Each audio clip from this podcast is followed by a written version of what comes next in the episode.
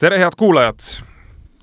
meil on jätkuvalt koroonaaeg, jätkuvalt on pime aeg ja, ja jätkuvalt ei ole lund maas, et saaks suusatama hakata, mis tähendab seda, et tegelikult, tegelikult saaks veel jalgrattaga sõita, kui seda valgemat aega pisut rohkem oleks. aga meil on täna siis uued jutud Jalgrattapalaviku podcastis ja meil on külas mees, kelle kohta ausalt öelda tahaks isegi päris palju teada saada, et kui ma saateks ette valmistasin, siis jäi silma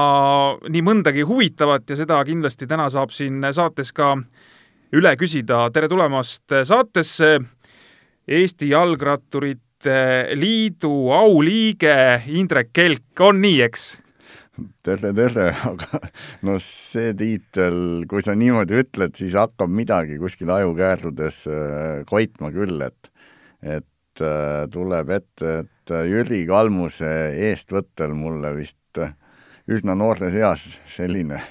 vanema mehe tiitel anti, jah. ja tundub, et see on vist juhtunud aastal kaks tuhat kaksteist juba, ehk siis Äh, päris pikka aega tagasi, aga enne kui me läheme väga konkreetselt ähm, sinu personaalia juurde, Indrek, äh, mul seoses selle koroonaga tegelikult äh, siia tulles, stuudiosse tulles tekkis mõte, et jah, ühest küljest see koroona justkui mm, rikub või, või ütleme, paneb sind keerulisse olukorda erinevate võistluste korraldajana, massispordiürituste korraldajana, teisalt ma olen kuulnud jutte, et rattad on otsa saanud rattatehastest ja varsti ei ole enam, mida müüa, ehk siis need rattad on läinud kusagile rahva sekka. ja see peaks ju omakorda tähendama, et nüüd järgmise, no ma ei tea, kui tihedalt ratast ostetakse, järgmise kümne-kahekümne aasta jooksul ei ole sul vähemalt rattaspordiüritustega mitte mingisugust muret jah, see, seda kaupmehed tõesti räägivad, et ähm, rattatellimusi ja rattavaruosade tellimusi äh, lähemasse perspektiivi teha on ülikeeruline, et, et just eriti varuosadega räägitakse, et enne kahe tuhande kahekümne teist aastatki ei pruugi mõningaid asju äh, tellimuslehele saada. et selles võtmes potentsiaal ja tegevuspõld tundub äh, päris paljutõotav tõesti nii et äh, seda on muidugi näidanud ka teie need noorte või lasteüritused äh, vähemalt, äh, mis puudutab siis kevadist Tartu rattarallit ja, ja, ja sügist rattamaratoni ka, et seal ju ka neid noori vist on päris palju, eks? Jah, kui meil siin on ikka mm, erinevad ähm, UCI presidendid vahet vahel äh, külas käinud, mm, vähemalt kaks meest sellise kõrge tiitliga on meil olnud ja, ja meie rattaüritusi näinud kõrvalt, siis äh, noh, nemad on ka tituleerinud need, et teadaolevalt maailma kõige suuremad laste äh, rattasõidud. nii et pinnas on olemas, mille pealt edasi minna, aga, aga kui nüüd Indrek sinu juurde tulla, sa oled, ma saan aru, põline Tartu mees või mm,? jah, sündinud Tartus, kasvanud äh, suurema osa ajast Tartus, aga nädalavahed ja, ja koolivaheajad hoopis Sangastes vanaema, vanaisa juures, nii et et väga niimoodi südames kisub mind ikka niisugune metsa poole, võib nii öelda. aga sealt siis Sangaste rattaralli, jah mm,? jah, see täpselt nii, et, et see on see nii-öelda päris õige kodupaik vist, kus mu need tugevamad juured ikkagi on sinna linnakividele välja kasvanud. spordimees väikesest peale mm,? Jah, ma arvan küll, et äh, esimesse sellise organiseeritud trenni läksin teises klassis, tahtsin minna korvpalli aga vaadati, et nii väike käblik, et, et vara veel, aga, aga sealsamas Tartu spordikooli nii-öelda eesliide taga toimus sportvõimlemise trenn. Ja, ja, ja kui see, sealne treener nägi, et üks äh, väike päralik jäi pika näoga platsi äärde vaatama ja teised platsile mängi-, palli mängima läksid, siis ta küsis, mis värk on ja ma ütlesin, näed, et trenni ei võetud ja endal nutuvõrru ümber suu ja ta ütles, et pole midagi, tule siia sportvõimlemisse ja nii, nii mu esimene trenn siis tegelikult oligi sportvõimlemise trenn ja ühe aastakese olin seal, aga ma ei jätnud jonni, nii et aasta pärast läksin korvpalli ikkagi uuesti said kossu, ahaa, ikkagi said. ma just tahtsin küsida, et, et ikkagi lõpuks said väljakule, said. Äh, aga sa jõudsid siis, ma saan aru, kuidagi riburada pidi ikkagi vastupidavusalade juurde? Noh, tegelikult päris niisugust organiseeritud treeningut noortest peast ma vastupidavusaladel ei olegi teinud, et käisin seal tõesti kolmas-neljas klass korvpallis spordikoolis, siis pandi paar Äh, vanuserühma kokku, jälle kui niisugune vähetõotava füüsilise potentsiaaliga vend ja võib-olla ka niimoodi tehniliselt mitte kõige andekam, jäin kõrvale. nii et neljanda klassi kevadel siis ma otsisin omale jälle aktiivse loomuga mingeid uusi tegevusi ja ja, ja tollel kevadel tegelikult äh, korraks kukkusin tennisetrenni, aga see oli, kui mind pandi seal Dünamos äh, vastu seina palli taguma, see mind väga ei köitnud, aga sealsamas oli ka rattatrenn. ja tegelikult see ongi ainukene koht, kus ma reaalselt olen äh, saanud ka rattatrenni, lõin pruuli käe alla, aga see kestis äh, napid nädalapäevad. miks nii? Tegid mingi sigaduse? noh, ei, ma arvan, seda sigaduseks ei saa nimetada, aga aga võib-olla natukene võtsin hinge pruulil liiga reljeefseid ütlemisi, mis on, ma arvan, rattameeste seas täitsa tuntud, et kui ta oma pikkade vuntside alt ah, üsna morni näoga midagi krõbedat ütles ja ja, ja, ja see minu au pihta käis, et tegu oli tegelikult ühe väikese mm, esimese nädala lõpus juba väikse Brigitka võistlusega Tamme staadionil. Mul ei, ei olnud veel ei oma võidusõiduratast ja ka baasi poolt ei olnud mulle ratast anda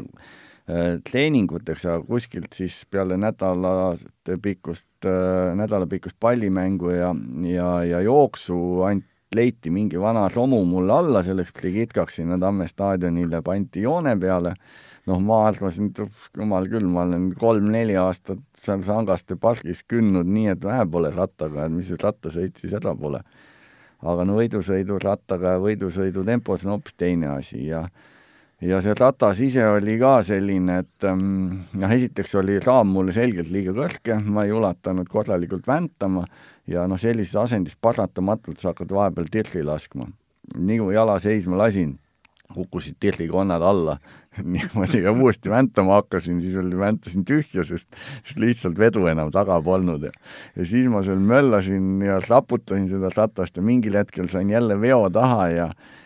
ja, ja no see oli üks jube asi, see, see võistlus ära sõita ja loomulikult ma jäin mitme ringiga teistest maha ja, ja seal siis noh, ega pruuli ei süvenenud asjasse, porises, oh, täitsa mõttetu mees või midagi niisugust ja igal juhul see oli minu viimane rattatrenn siis ka et no aga selles mõttes on vähemalt äh, hea meel, et sa nii südamesse ei võtnud, et sa rattaspordile oleks lõplikult selja pööranud ei, seda mitte jah, et, et kuigi siis edasi mu nii-öelda sportlikud äh, teed viisid jälle no nii et füüsilises mõttes minu jaoks valesse maailma võib-olla viiendas klassis äh, läksin suhteliselt juhuslikult võrkpallitrenni ja lõpuks ma tegelikult äh, Tartu spordikooli võrkpalli eriala siis seitse aastat või kuus aastat hiljem ka lõpetasin ja mm, noh, ma jälle olin puhtalt pingipoiss seal võrkpallis, aga aga ma olin väga hea kõikvõimalikel muudel aladel, mis ei olnud võrkpall. võrkpalliga seotud jah ja, et kuna ma olin korvpalli baaskoolituse saanud kaks aastat, siis ma olin üks kõvemaid kossumehi meie vundis ikkagi ja ja, ja väga hea igasugustel vastupidavusaladel, jooksudel panin teistel ära ja, ja, ja meil oli üldse väga hea punt ja, ja väga lahe treener ähm, Tarmo Kajandi näol, nii et, et see punt oli lihtsalt see, mis mind seal hoidis ja, ja noh, õudselt, õudselt lahe, lahe seltskond. no mäng ei olnud lihtsalt sinnamaani arenenud, mis tegelikult oleks võib-olla sinu õige koht olnud ju libero, eks, äkki? Et oleks no, seal tormanud kõiki pallid ära toonud, äh, ära päästnud, ülejäänud mehed toimetavad selle üle võrgu, ei ole enam sinu asi? Äh, jah, võib-olla küll, sel, sellel ajal sellist nimetust ei teadnud keegi, polnud kuulnudki ega mitte midagi, võrkpall on väga-väga palju muutunud ikka sellest ajast saadik. nii, et ühesõnaga üks jalgrattavõistlus ja, ja lõppkokkuvõttes, kas, kas sa, ma korra selle võistluse juurde tulen, kas sa mäletad, sa oled kuuekümne üheksanda aasta mees. kas seal võistlusel oli mõni selline mees ka sõitmas juba, eh, kellest sa hiljem saigi nagu võidusõitja või? Mm, jah, Jaan Kirksipuu. oli samal võistlusel minu arust küll, jah. sellepärast, et ma mäletan nii hästi seal ähm, pärast äh, sõitu, et Jassil oli äh, oli toona juba no mingisugune väike, see valge raamiga ratas, ta oli samasugune väike päralik nagu mina tegelikult, aga temale oli ikkagi omale paraja suurusega ratas ja, ja ma ei tea, mis koha tema seal sai, aga ma, ma teadsin, et see on, on Rein Kirsipuu poeg, sest me nii palju ma ikkagi äh, kõik need pikkusi lood ja, ja see rattasport oli ikkagi Eestis ja noh, Tartus eriti ikkagi väga kuum teema ja kõik need Tartu tänavasõidud, eks ma poisikesena olin kõike seda möllu näinud seal. ja, ja jassi ma äh, noh, ikkagi teadsin kuulujuttude järgi natukene ikkagi juba siis. Äh, sa mängisid siis võrkpalli kui keskkooli lõpuni või sa mängisid võrkpalli siis ka juba, kui sa käisid äh, ülikoolis või? Ülikooli ma ikkagi läksin suusaerialale. suusaerialale, jah? mul oligi valida põhimõtteliselt kaks teed, et kas minna võrkpalli erialale või suusaerialale, mul oli mõlemal nii-öelda teine spordijärk, mis tollel ajal oli vajalik, et ülikooli kehakultuuri teaduskonna sisse saada. ja ma vaatasin, et kurat, see võrkpall mind ikka üldse nagu ei kõneta, et et aga suusatamine oli mulle ikka väga nagu südamelähedane olnud, olnud kogu aeg, et see üldse see talisport ja ja see ja Tartu maraton oli tegelikult äh, neljateistkümnendast eluaastast olnud minu elu talvine tähtsündmus juba siis. nii et sa olid selleks aastaks juba sõitnud päris mitu Tartu maratoni, jah? jah, kaheksakümne kolmandal aastal alustasin, nii et keskkooli lõpuks oli neid äh, vist kolm, sellepärast et, et, et kaheksakümne neljanda aasta maratoni eel jäin mumpsi ja siis, siis ei saanud starti minna, kas nendest maratonidest sõideti, mõni sõideti ka mööda jõge või? ei, mm, ei, ei mm, -hmm. siis oli juba ikkagi, äh, algas asi matult ja lõppes Elvas, nii et, et mina ei ole ühtegi teistpidi maratoni sõitnud mis Tartu Ülikooli kehakultuuri teaduskonnas sinuga juhtus, et sa diplomitöö kirjutasid teemal üleminekust jalgrattalt jooksule lühikeses eksperimentaaltriatlonis oh, mis mulle juhtus juhtus see, et kuidagi oli vaja ülikool ära lõpetada ja mingi jama kokku kirjutada. et kuna ma tollel hetkel olin juba äh, äh selliseks tõsisemalt võetavaks triatlonimeheks kujunemas, et äh, suusatamises äh, minust mingisugust nagu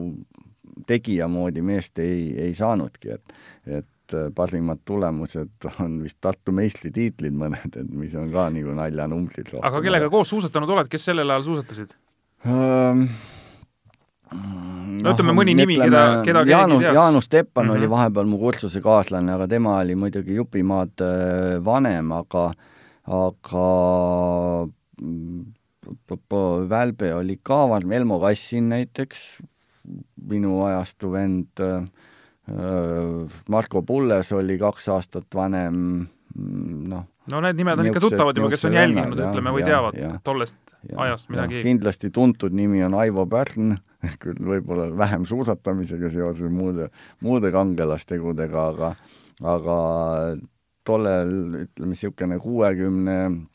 seitsmenda, seitsme kuni kuuekümne üheksanda aasta vanustest poistest oli Tartus päris äh, kõva sats omal ajal, et et mina sinna ei küündinud, et nemad olid kõik kooli ajal juba nii-öelda suusa eriklassidest pärit vennad. nii, aga ikkagi see triatlon, kuidas see sinu ellu tuli, selles mõttes, et sa olid ma vaatasin tuhat üheksasada üheksakümmend kaks ja tuhat üheksasada üheksakümmend kolm ehk siis nii-öelda vabariigi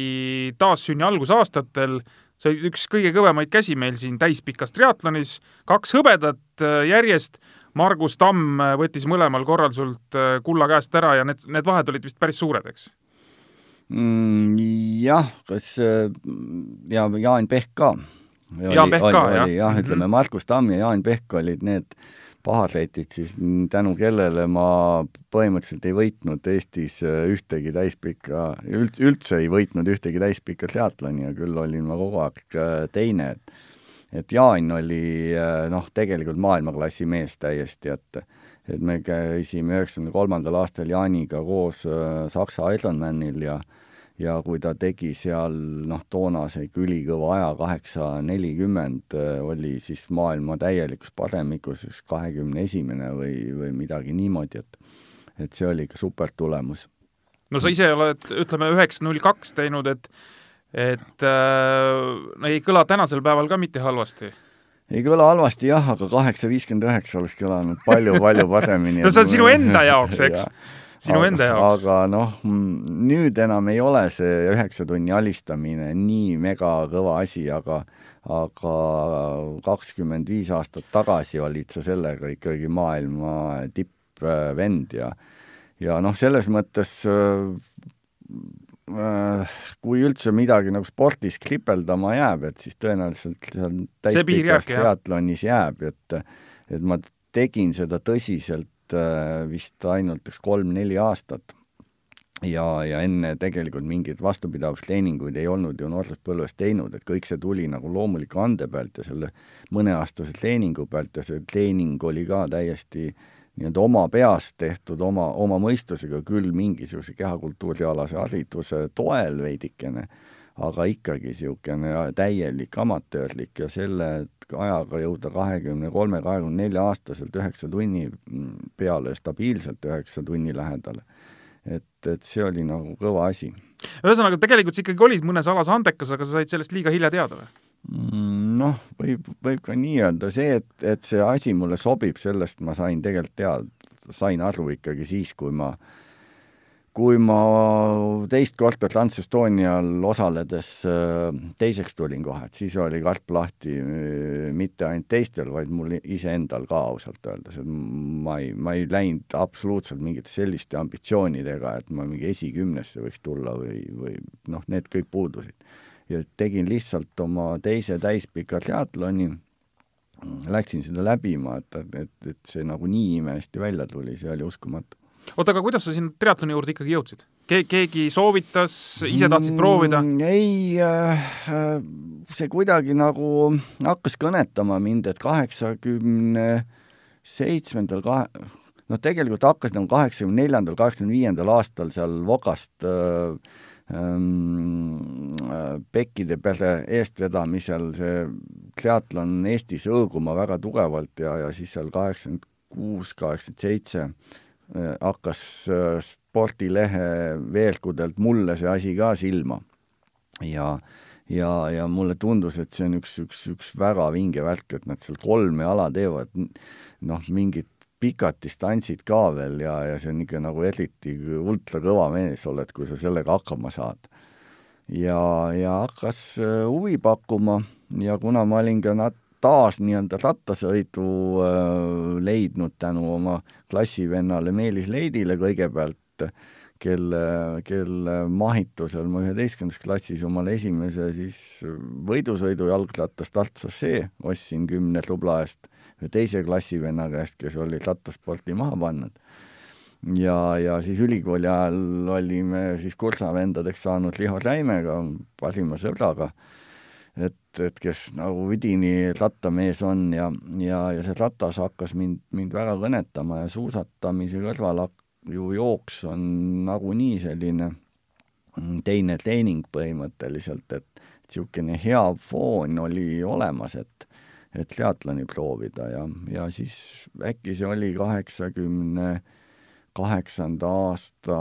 suvi, kui ma Pühajärve triatlonil tegin oma esimese triatloni katsetuse, eriti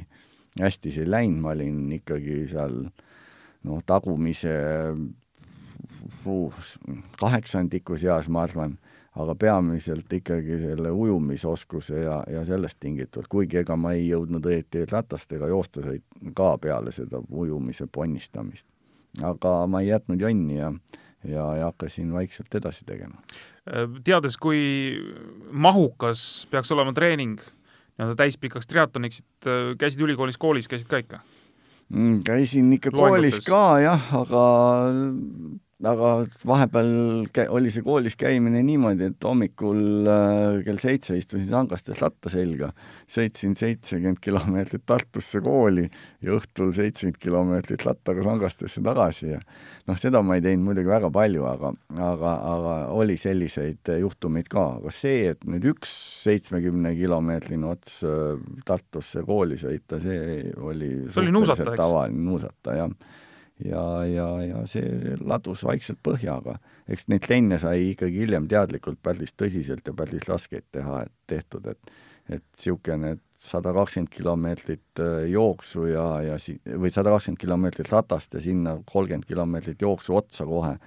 et niisuguseid asju sai küll tehtud ja siis õhtul veel mingi ujumine ja, ja, ja, ja nii seda baasi sai kuidagi lootud.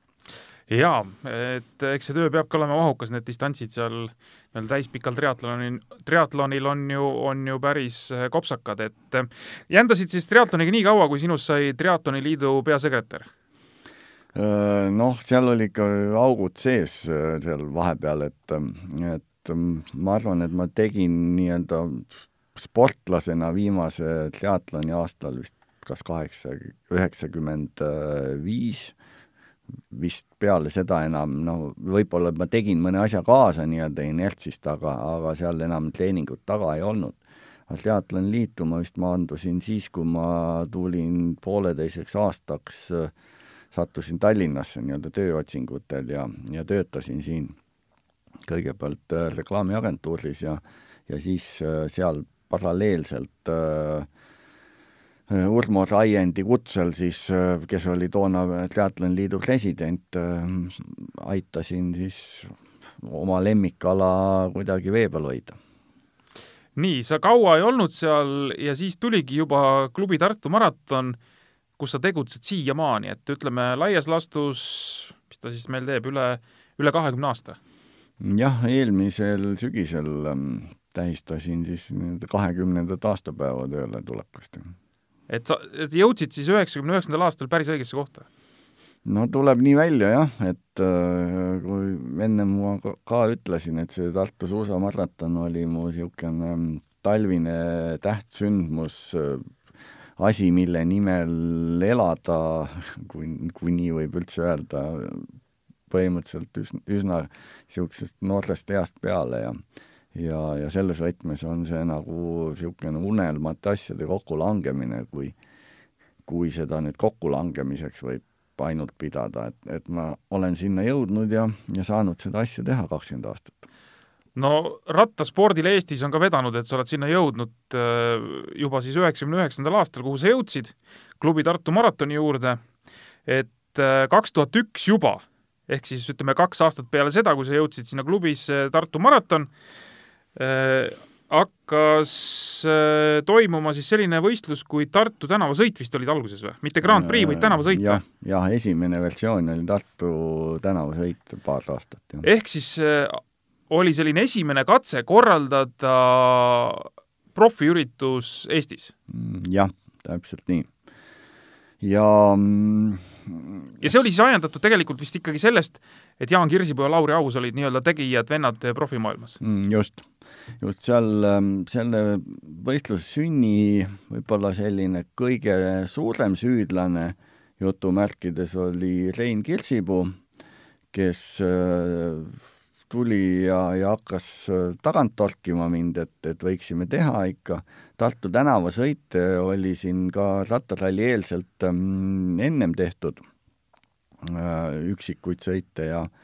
ja, ja eesmärk tõesti oli, et meie omad proovid äh, saaksid siis äh, rahva ees natuke rohkem kui rattaralli äh, startis ja finišis ainult Tartu linna vahel olla. ja kuna ma siin üheksakümnendatel olin juba päris mitmed suved olnud abis Riho Räimel Saaremaa tuuri korraldamas, et siis rattavõistluse korraldamise köögi poolt olin ka natukene näinud ja ja see, kogu see rattavõistlust või üldse rattaspordimaailm oli mind uuesti nagu üles kütnud, et Tour de France'i olin ma tõenäoliselt jälginud juba üheksakümnendate keskpaigast, nii kui see satelliittelevisiooni abil oli näht-, võimalikuks saanud ja ja, ja ma olin ikka juba siis väga suur fänn, et üheksakümne kaheksandal aastal oli esimene mm, kus me siis Läimerliksiga ja kohal käisite, kohal käisime, jah. ja, ja üheksakümmend kuus kuni kaks tuhat üheksa, ma vaatan, sa oled siis jah, seal Saaremaa velotuuri tegemiste juures nagu kogu aeg noh, kuidagi, kuidagi nagu abis olnud, jah mm,? jah äh,, alguses äh, oluliselt rohkem, aga siis mul, siis hakkasin ise ka rattaga rohkem jälle sõitma ja, ja, ja ma ei tahtnud oma sellist äh, rattamehega jää, tahtsin ikkagi nagu tõeliseks rattameheks saada, et vähemalt ühe Saaremaa tuuri ise ka läbi sõita. ja, ja see lõpuks, juhtus millal? ma ei mäletagi täpselt aastat, aga lõpuks neid sai kaks või kolm isegi. ühe ma jätsin äh, lõpetamata selle tõttu, et mul poja äh, põhikooli lõppu, lõpp oli täpselt ähm, viimasel päeval, ma sõitsin ära hommikuse eraldi stardi ja kihutasin autoga Tartusse ja jätsin õhtuse selle Kuressaare linnaetapi sõitmata ja selle tõttu jäi nii-öelda tuur lõpetamata aga mm, vähemalt kolm korda ma vist küll startisin seal. jaa, no siis sa oled järelikult õige rattamees, et nüüd on sul need asjad tehtud mm,? No kui mind selle tõttu tõesti ka päris rattamehed rattameheks pidama hakkavad, et siis küll, aga vähemalt endal on küll nagu hea tunne, et, et mingi oluline asi selles äh, rattaspordimaailmas Eesti kontekstis on kaasa tehtud. ja see, ja see esimene võistlus siis äh, Tartu tänavasõit sai ka niimoodi korraldatud, et sealt nii-öelda tuligi järg ja see järg mm -hmm. kestab siiamaani, ütleme küll küll eks, eks elu seab omad noh, sellised keerdkäigud ja muudatused, aga põhimõtteliselt me võime öelda ikkagi, et ju profisõidud ei ole Tartust kusagile kadunud mm,. ei, seda kohe kindlasti ja see esimene Tartu tänavasõit toona ikkagi saigi ellu kutsutud selle eesmärgiga, et et aasta hiljem siis UCI äh, kalendrisse saada ja ja, ja neid regulaarselt äh, hakatagi äh, Tartus või Eestis läbi viima. väga keeruline oli ta, oli ta siis keeruline kindlasti ja, ja kas sa, kas sa kuidagi julged öelda, et on, on ta järjest läinud keerulisemaks või, või, või kuidas sa hindad seda korraldamist? pigem jah, on ikka läinud keerulisemaks, et siis äh, oli ikkagi palju lihtsam asju teha, et, et et üks asi oli see, et noh, kindlasti nagu jassi kuulsus oli ikkagi nii kõva Eestis, et, et need äh, Tour de France'i liidrisärgid Äh, olid äsja-äsja olnud alles ja, ja enam-vähem nendel aastatel iga aasta mõni tuuri etapivõit ju ka kopsatas kasti, et ja ja kuidagi need rahalised asjad olid veidikene paremad ja võidusõite üldse maailmas oli palju-palju vähem, neid tiime oli siia saada palju lihtsam, noh jälle nagu Jassi ja Ausa ja ja Tombaku ja kes need tollased vennad olid, nende sõna maksis tiimides palju rohkem. See kant oli atraktiivne, Ida-Euroopas UCI sõite praktiliselt üldse polnud, Skandinaavias samuti mitte, meeskonnad tahtsid siia tulla puhtalt huvi pärast, mis seal salata, et üsna ruttu said legendaarseks ka Tartus toimuvad nii-öelda afterpartid järelpeod ja järelpeod ja kõik, kõik need asjad, et äh, see ei olnud ka vähetähtis, et see lõõgastumispool oli, oli olemas, sest tol ajal ei olnud, ei olnud see rattasport veel nii paduprofessionaalne, kogu see kakskümmend neli seitse, nagu ta nüüd äh, paljudel juhtudel ikka on juba. Jah, et äh, ajad muutuvad. ajad muutuvad, jah äh, tead, sa rääkisid nüüd sellest, et, et sa noh, kas sa oled nüüd rattameheks saanud või ei ole, et kuidas rattamehed seal sees sind vastu võtsid pärast neid Saaremaa velotuuride lõpetamisi, aga no minu arust üks märk on kindel, et miks sa oled rattamees, on see, kui te käisite kolmekesi, siis Jaan Kirsipuu, sina ja Allan Oras käisite Austraalias eh, Crocodile Trophy't sõitmas, ehk siis mägirataste mitmepäevasõitu. et äh, kümme etappi, üle tuhande kilomeetri ja ütleme siis ürgse looduse keskel äh,, magasite äh, madude ja ja ma ei tea, kelle rüppes seal, eks, et kogu see kadalipp läbi teha, minu meelest väga kõva mm,? Jah, no kindlasti äh, äh, minu elus sportlikus soorituses kõige, kõige, kõige selline vingem vingem asi, kõige raskem äh, tegu ja, ja ja kõige edukam, ma julgeks ka öelda, et ma ei ole vist kunagi olnud nii heas vormis, kui ma seal äh, tõesti olin. noh, võib-olla üheksakümne kolmanda aasta Saksa Ironmanil, kus ma tegelikult olin tõesti selle üheksa tunni pot-, murdmise potentsiaaliga, aga aga äiksevihma ajal panin rattaga küljeni nii, et õla all liiges, sest midagi juhtus ja, ja, ja, ja siis see sõit ja jooks nagu läks veits aia taha, et aga valmistusite siis sinna Austraaliasse mineku eel ikkagi nii palju, et, et vorm sai väga heaks? No seda te teadsite ju ikkagi päris pikalt vist ette, et te lähete, eks? no me otsustasime selle vist kuskil äh, juunis-juulis, me olime see toimus oktoobris? see toimus oktoobris, me olime, noh, Allan oli see, kes seda tegelikult urgitsema hakkas vist juba aasta varem ja ja Jass ka siis või, või oli see, ei, pigem oli see vist Jass ikkagi, sest kes, kes oli seal oma karjääri ju lõpetanud seal eksootilistel maadel ja, ja teadis nendest asjadest palju rohkem kui meie. Allan oli siis veel ju tegelikult Rietumaa äh, panga noh, nii-öelda provisõitja veel, eks. ja, ja, ja see plaan hakkas nagu seal varem äh, ingitsema, aga, aga ma mäletan, me istusime mingis juunis-juulis Jassi suvilas äh, Otepääl ja, ja tegime need viimased plaanid, otsustasime, no nüüd ikka lähme, et, et naised olid ka meil seal kaasas ja, ja, ja, ja nagu niisugune kolme perekonna nõupidamine oli.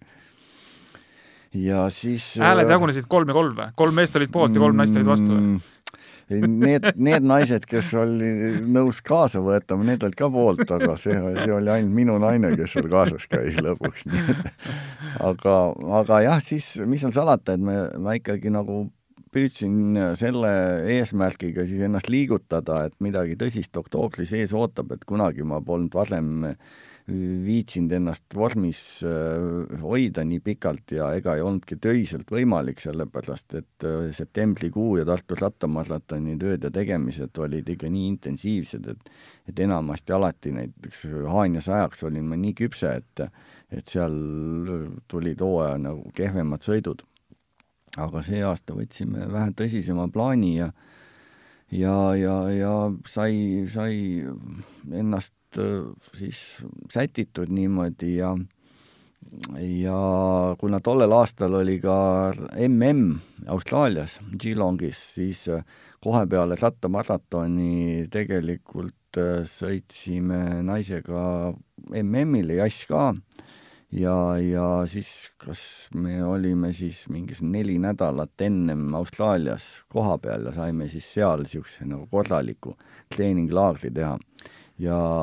ikka tippsportlased vara kohale no,, kõik ajavööndid, värgid, eks? täielikult ja, ja no siis me olime seal Jassiga, laagertasime koos, meie elasime eraldi ja Ass elas äh, oma tuttavate pool eraldi, aga suhteliselt nagu lähestikku ikkagi ja ja, ja Jass siis tegelikult äh, mu nii heaks timmis, nagu ma siis sain ja olema ja, ja, ja see oli tõesti nagu müstiline tunne, mida seal nagu sai tunda. no ütleme siin ära ka siis, et äh, üle neljakümneaastaste vanuseklassis kaksikvõit, Kirsipuu oli siis esimene, Jaan Kirsipuu, ma üldkohta nüüd ei mäleta, kas ta oli seal mingi viies või kuues või midagi ja, sellist äkki, ja Indrek Elk siis üle neljakümneaastaste meeste hulgas kindlustas Eestile kaksikvõidu ja su üldkoht oli seal teise kümne alguses vist. Mm, kas üksteist või kaksteist. midagi sellist. jah, ja, ja, ja ma tegelikult põdesin väga, et ma, ma ikkagi kustusin viimase äh, kahe etapiga ära, et ma olin, olin vist seitsmes või kaheksas üldsotis enne seda ja, ja, ja lihtsalt mahlad olid nii, nii väljas, et, et see oli ikkagi väga raske sõit, et üks hollandlane suri meil ju ära. no just, ma tahtsingi rääkida, et üks etapp jäeti vahepeal sõitmata, sest mm -hmm. une pealt, ma sain aru, suri ära või? jah, järelikult, kuna me elasime äh, telkides äh, ja tema magas üksinda mm, telgis ja hommikuks oli ta surnud, jah. oli seal mingi maohammustusega tegemist või ei olnud, et tegelikult ikkagi süda seiskus äh, okay. lihtsalt ja ja, ja, ja noh, lihtsalt nii, nii raske ja koormus oli nii suur, tal oli varem ka mingeid väikseid südameprobleeme olnud, aga noh, sellegipoolest oli üliheas vormis vend. aga miks ma seda maojuttu siia ajan, sest ma mäletan kuskilt äh, niimoodi häguselt, et äh, minu meelest kas Jaan mitte kusagil ei rääkinud, et seisime seal, no olime ratastega trennis, seisime puu all ja järsku mingi roheline uss kukkus või, või madu kukkus meil kõrvale sinna umbes maha ja et seal igasuguseid asju võis juhtuda. ja, ja ei, seda, see vist, selline case vist oli küll, ma ei, mul tuleb ka midagi tuttavat ette, et ma ei mäleta, kas äkki olime me Jassiga koos, aga, aga neid elukaid seal oli igasugu ägedaid ja, ja noh, need vä-, väikesed märkamatud tegelased olidki seal palju ohtlikumad tegelikult, et, et see madu vist oli päris äh, tõsine tegelane, kuigi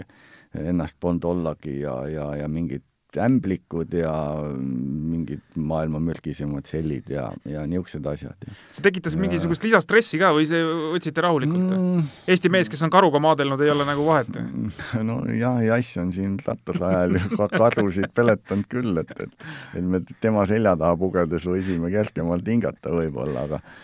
aga noh, natukene ikka alguses oli, eriti kui seal kuskil Outbackis äh, lageda taeva all magad, siis telgis on nii kuradi palav ja ja välivoodi on küll, äh, mille peal oled, aga, aga pagan teab, mingid sitikad ikkagi tulevad, lähevad, mingid raagritsikad, suured on sul kõhu peal hommikul. noh, süütud tegelased tegelikult, aga noh, meie jaoks ikkagi veidikene ehmatavad ja ja noh, võib-olla üks nagu niisugune kõhedam äh, hetk oli, kui me ühes äh, ööbimiskohas siis äh, noh, peale seda niisugust väga kuuma etappi ujuma läksime ja selgus, et see on väga tuntud krokodillijõgi.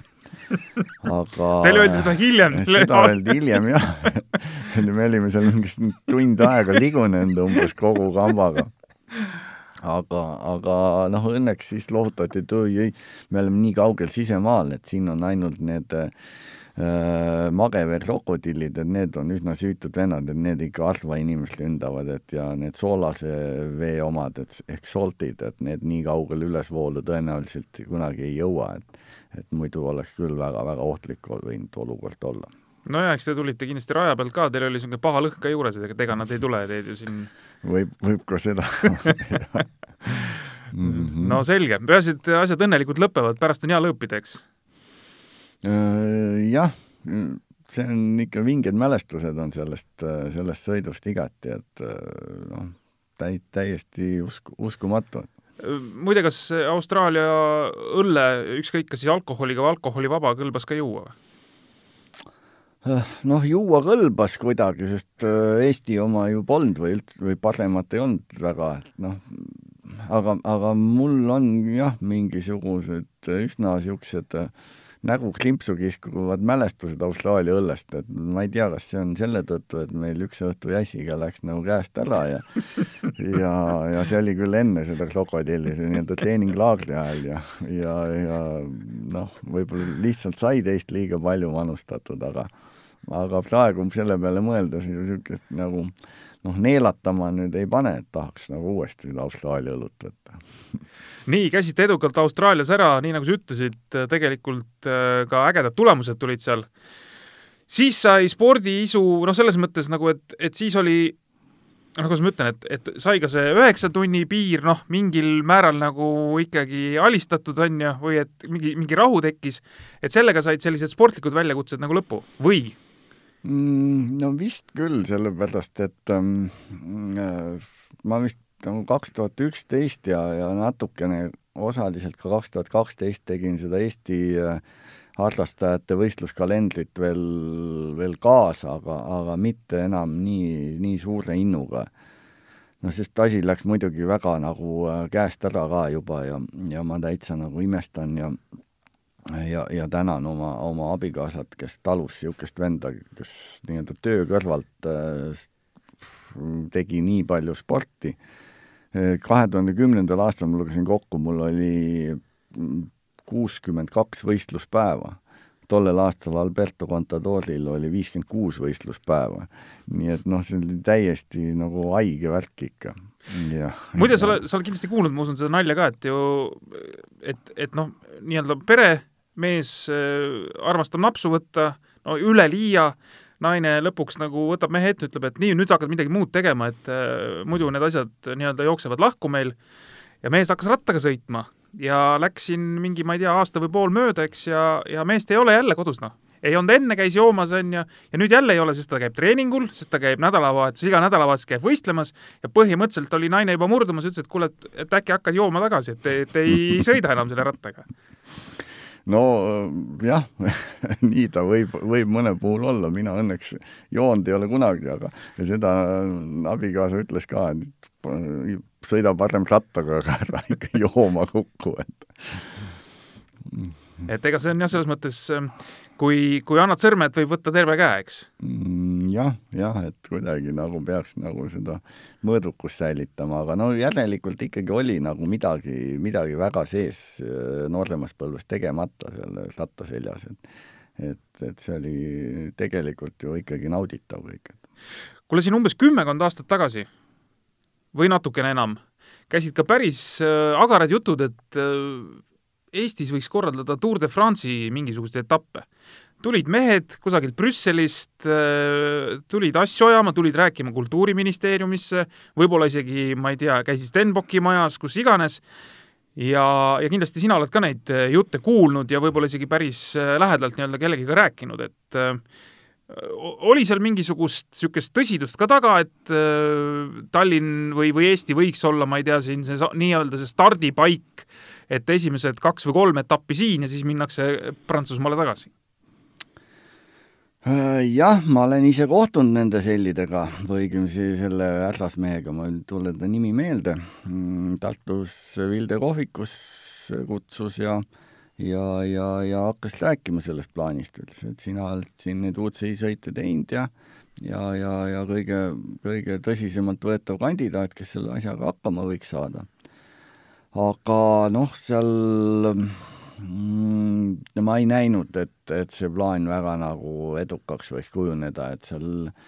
tal olid jah, mingid visioonid, ta oli kellegiga sealt Asost äh, rääkinud äh,, äkki mingi, äkki oli ka Prudhomiga seda arutanud äh,, noh, aga see kõik oli niisugune, no jah, et oleks äge nii ja naa, aga noh, kui, kui ikkagi hakata nagu mõtlema seda logistilist kaugust ja kõike seda janti, mis, mis see endaga kaasa toob, et ähm, ja tegelikult ikkagi väga-väga suuri rahanumbreid ka, et ma, ma ei näinud, et see nagu oleks väga realistlik aga ega ma ei ütelnud ei ka, et ma ütlesin, et, et me, mina raha ajama kuskilt välja ei hakka, et kui te olete nagu, suudate riigi toe tagada, et, et meie kindlasti oleme valmis kaaluma seda nii-öelda korralduslikku poolt ette võtma, aga aga mm, peale toda suve ma vist ei näinud seda venda rohkem, et no seal vist, kas oli see ka, et umbes sellel hetkel äh, tuli see masu ka peale, et äh, jah, see oli, oli kuskil ikkagi ja, seal kahe tuhandeta teine pool jah, jah, jah, võis küll olla täpselt, jah. et äh, ei ole teostunud ja ma ei tea, kui nüüd siin ju Rally Estonia või jah, Rally Estonia sai nii-öelda WRC etapiks, äkki toome ära siis, äkki sa tood äh, Indrek ära selle etapi või selle nii-öelda, need etapid seal Tour de France'i alguses äh, siia Eestimaa pinnale? Noh, esiteks on rahanumbrid hoopis teised või noh, kas nüüd hoopis teised, aga, aga see kaks, kaks suuremad, jaa, miljonit, jääb väheks. seda jääb ikkagi väheks, et et noh, kui rääkida, mis äh, rahanumbritega näiteks ähm, sellist võidusõitu mujal maailmas korraldatakse, nagu on Tour of Estonia, siis ähm, kui meie eelarve viimastel aastatel on noh, napilt sinna saja tuhande kanti küündinud või natukene üle, siis äh, kolmepäevane samasugune esimese kategooria velotuur, Tour de Fjord Nordats, äh, tema eelarve siis äh, neli aastat tagasi oli üks koma seitse miljonit eurot ja, ja siis sa saadki tuua sinna mm, peale noh, seitse või viis, kuus, seitse World Touri tiimi,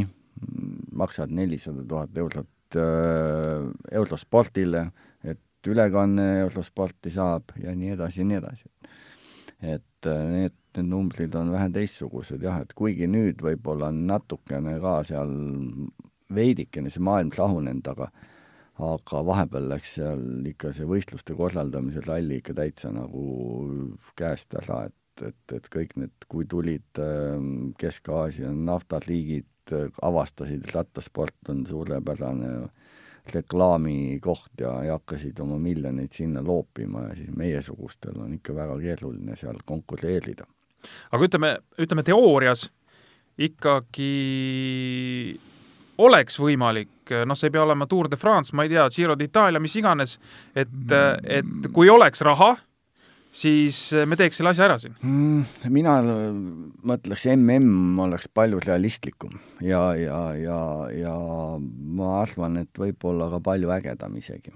et need esimesed tuuride etapid, noh, no on ka kindlasti, aga, aga seal see, et et see põhiraskuskese ikkagi läheb meist mitme tuhande kilomeetri kaugusele ja kogu selle karavani nagu kolimine siia-sinna on ikka paras äh, jevunn, kui niimoodi võib öelda, et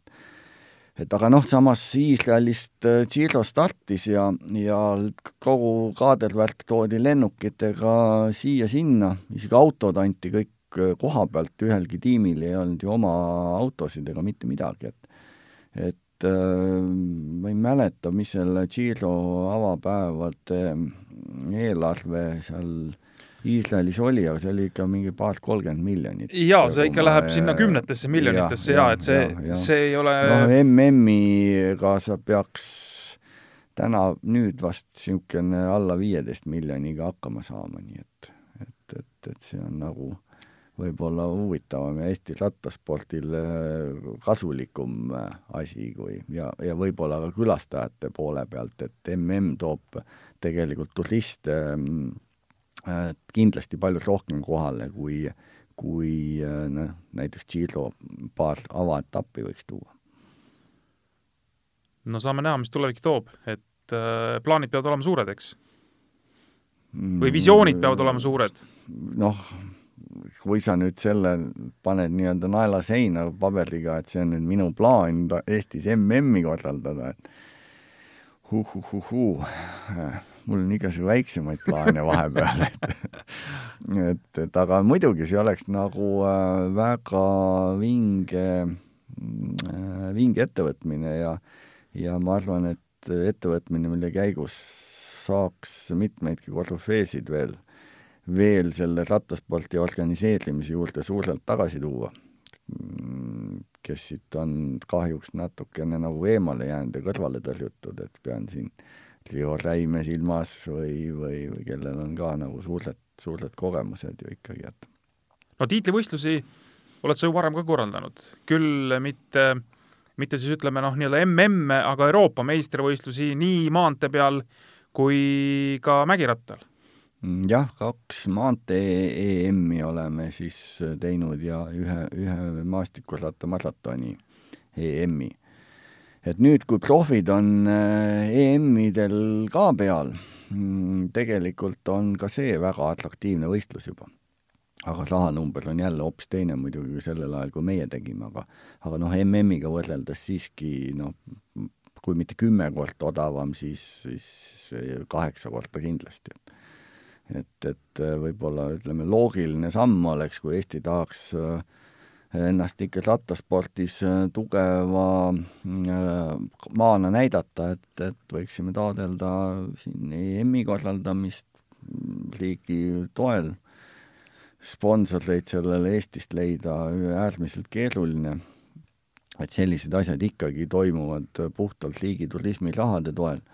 ja, ja mine sa tea, võib-olla kunagi ka mm ja, ja kui mitte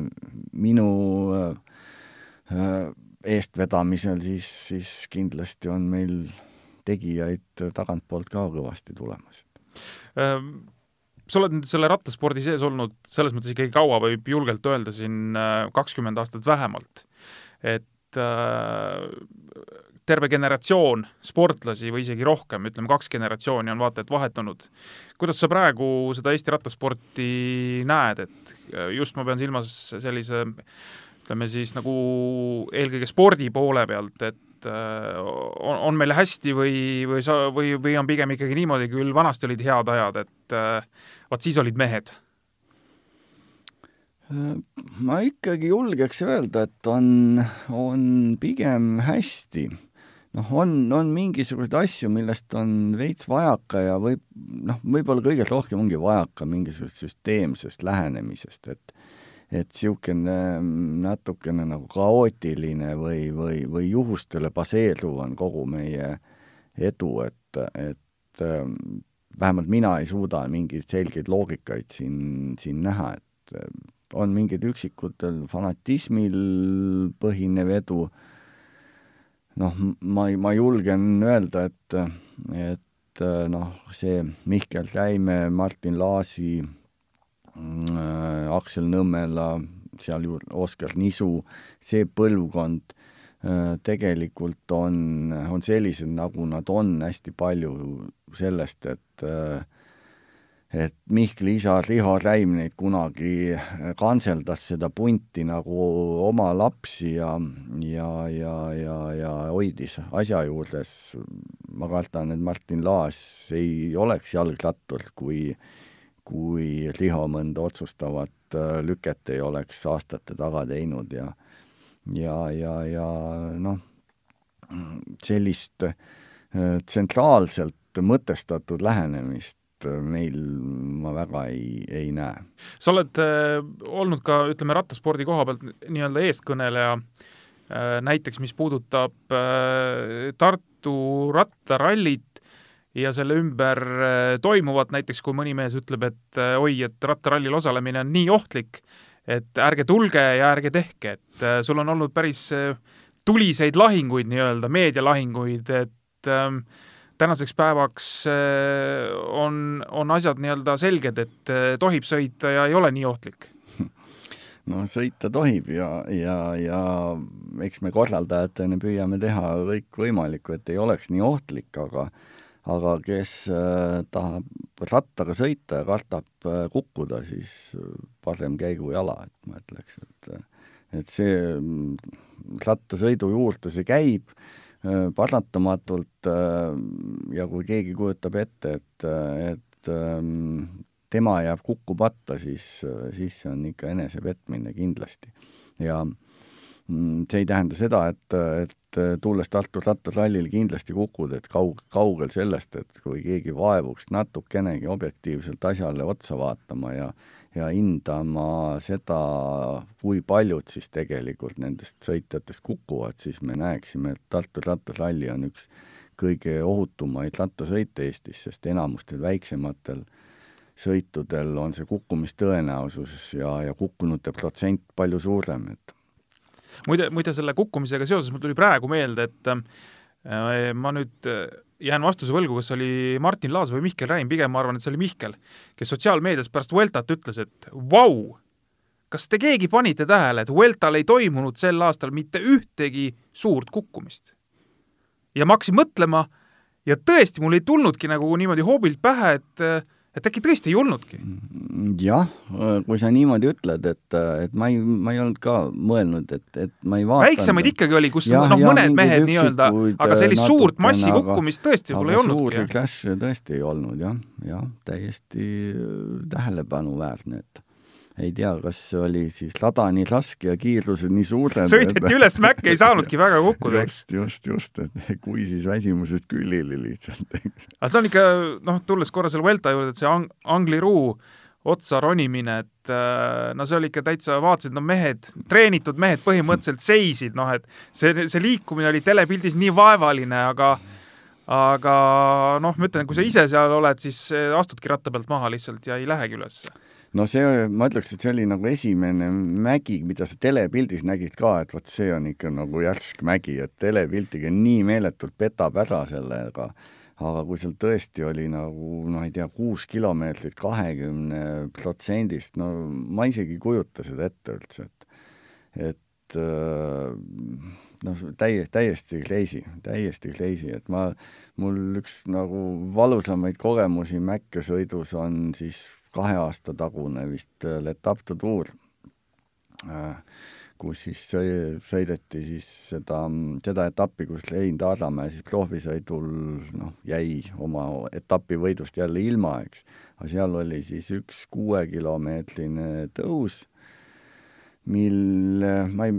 noh, ütleme, ma ei mäleta, mis see keskmine protsent seal oli, aga kus siis läks ka ikkagi